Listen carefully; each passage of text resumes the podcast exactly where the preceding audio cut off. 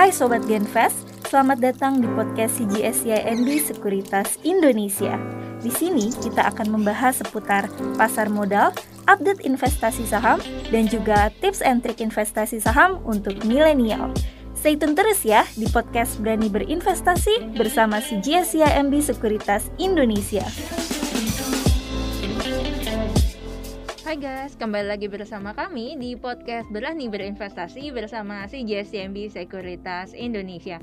Kembali lagi bersama saya Vanessa Herman dan kali ini kita kedatangan tamu yang sangat spesial ya, yaitu Bapak Peter Suteja CFA, di mana beliau ini adalah uh, strategis dari uh, call CPO ya, pokoknya yang relate dengan komoditas uh, analis ya. Hai Peter, apa kabar nih? Eh, baik Fanny. Thank you, Yuk. thank you. Thank you juga udah mau bersedia hadir Hmm. di podcast kita hari ini ya. Ya. Nah, pastinya eh, kita akan ngobrolin hal-hal yang menarik nih dengan Peter teman-teman. Jadi stay tune terus sampai dengan akhir acara ya. Nah, eh, Peter langsung aja nih, Pet. Jadi eh, belakangan ini kalau kita lihat ya, jadi investor ini banyak yang khawatir dengan yang namanya eh, US mendekati masuk ke arah resesi gitu ya. Hmm. Nah, kalau menurut eh, Peter sendiri nih, kira-kira indikator apa sih yang harus kita lihat eh, untuk menentukan bahwa memang eh, US ini mulai masuk ke resesi atau enggak gitu? Silakan. Hmm, kayak ada beberapa definisi sih, tapi kalau saya pikir sih kalau dari definisi secara definisi itu maksudnya udah dua kuartal ya. US tuh negatif growth ya. Jadi ini udah masuk ke secara definisi udah masuk technical recession lah. Tapi di sisi lain juga ada beberapa indikator kayaknya nggak benar-benar merefleksikan kondisi resesi ya saat ini ya. Yang di US ya misalnya job marketnya tuh masih kuat, Unempl- unemployment levelnya tuh masih rendah ya 3,6% tuh termasuk apa namanya dekat all time low jadi itu belum ten- belum terlihat tanda-tanda seperti resesi pada umumnya tuh di mana ya kalau resesi kan berarti ekonominya tuh sel- udah parah banget sehingga orang apa namanya mengurangi angkatan kerja ya. Jadi belum ke sana sih tapi kelihatannya memang udah ada tanda-tanda slowdown juga di US kalau kita lihat juga pertama tuh mungkin dari apa yang bikin dia US-nya tuh ada negatif growth itu karena ada aktivitas di stocking juga ya. Itu kan bisa take another 2% of GDP juga.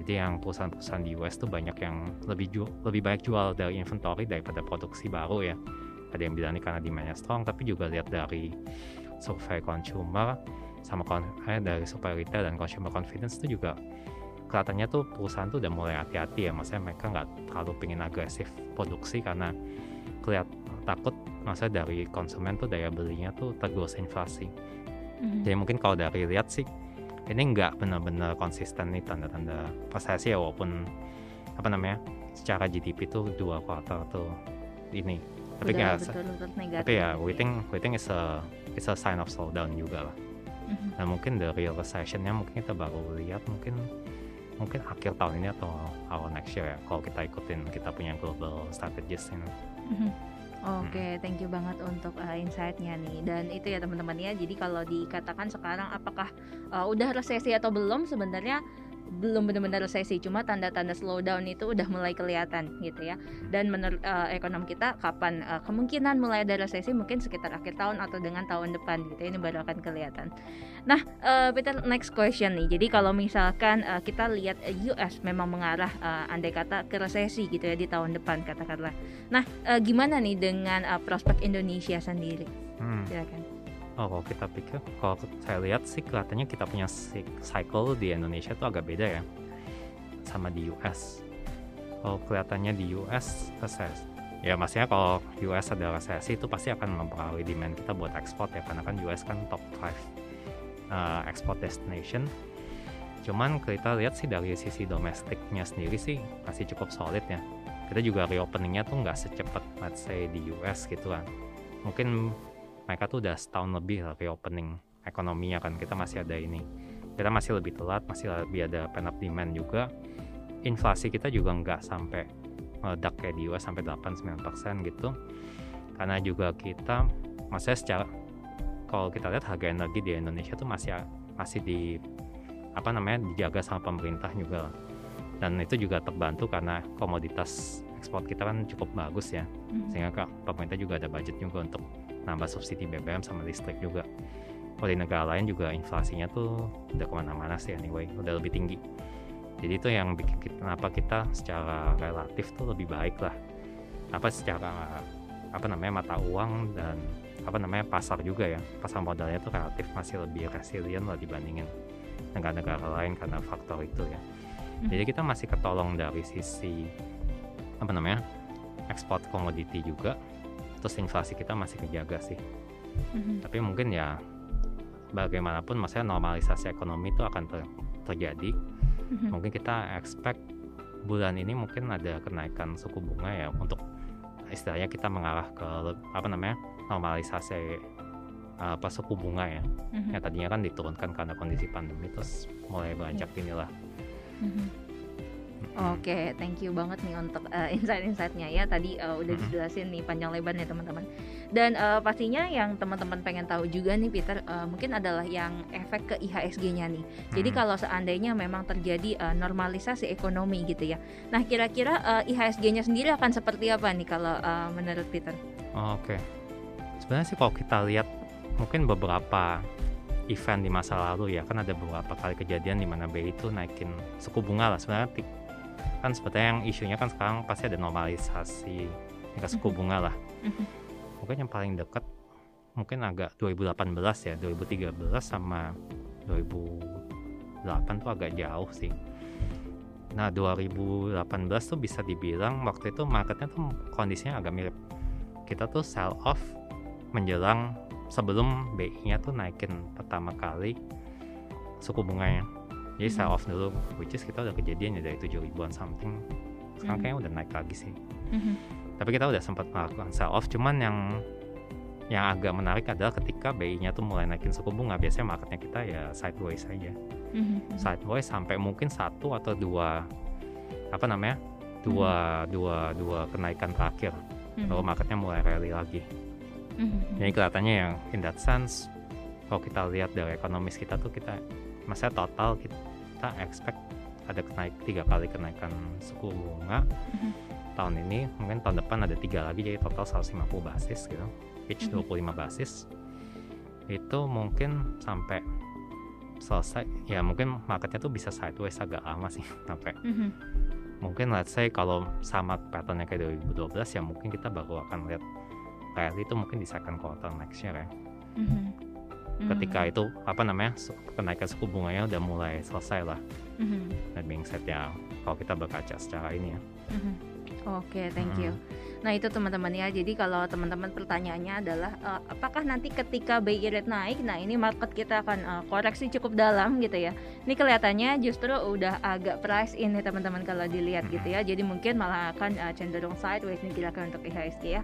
Dan eh, menarik nih Peter. Tapi kalau misalkan eh, kita lihat ya, berapa sih target eh, fundamental yang sesuai nih untuk IHSG kita saat ini? hmm oke oke kita sih masih ini sih apa namanya agak ah, masih discuss untuk target price untuk tahun ini sih Mhm.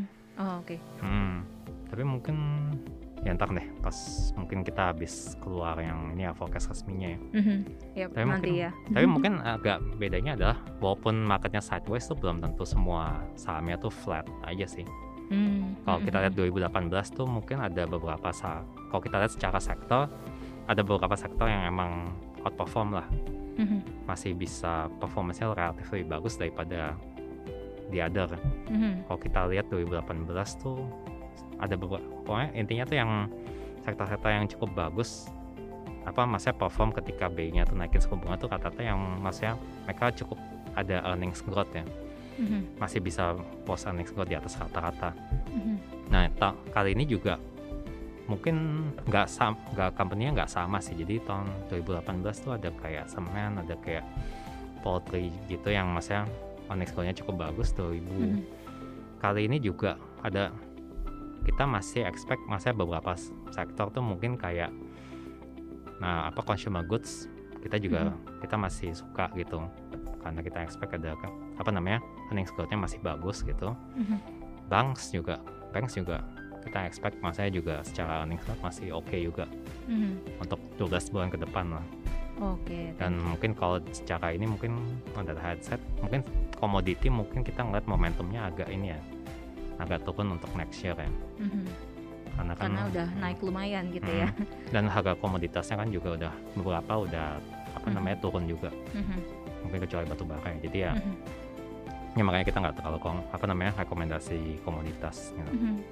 Oke, nah tapi kalau dari uh, yang tadi udah Peter spill nih sebelumnya ya, jadi kayak misalkan uh, sektor perbankan misalkan mungkin atau consumer goods, uh, saham apa sih yang menjadi uh, top picks kita nih? Oh, kita lihat ada beberapa kalau kayak FMCG tuh mungkin kita prefer yang terutama yang ada exposure ke mass market gitu ya. Mhm. Nah, kayak sama poultry juga jadi kayak mungkin Java Jepvin terus habis itu Mayora Mhm. Itu we like the apa namanya the companies Mhm. kalau banks tuh we like Bank Mandiri ya terus Mhm. on top of BCA lah Mhm. buat apa defensive bank sama mungkin some companies yang mungkin agak defensif tapi katanya earnings growth-nya masih di expect masih lumayan tuh saatnya Telkom Hmm, Hmm. Oke. Nah itu ya teman-teman ya. Jadi kalau eh, untuk yang tanya kira-kira kalau nanti marketnya sideways, eh, yang mau dipantau apa aja nih? Hmm. Tadi udah di spill ya, ada eh, BCA, ada Mandiri gitu ya. Terus tadi ada Mayora, ada Telkom ya. Nah ini teman-teman bisa eh, perhatikan lebih lanjut. Dan pastinya eh, mungkin tunggu aja nih sampai strategi dari CGSMB keluar selanjutnya ya. Baru keluar nanti angka eh, kira-kira IHSG di berapa nih valuasi yang tepat gitu ya. Nah, thank you banget nih Peter untuk uh, waktunya. Thanks udah main ke podcast kita ya di uh, podcast Berani Berinvestasi bersama CGSMB Sekuritas Indonesia. Dan untuk teman-teman yang uh, belum subscribe YouTube channel kami ya, silahkan subscribe, uh, terus like dan juga komen YouTube channel kami ya, yaitu di CGSMB Sekuritas Indonesia. Pastinya untuk mendapatkan informasi tentang investasi saham. Kalau tidak mulai sekarang, mau mulai kapan? Bye. Thank you, Peter.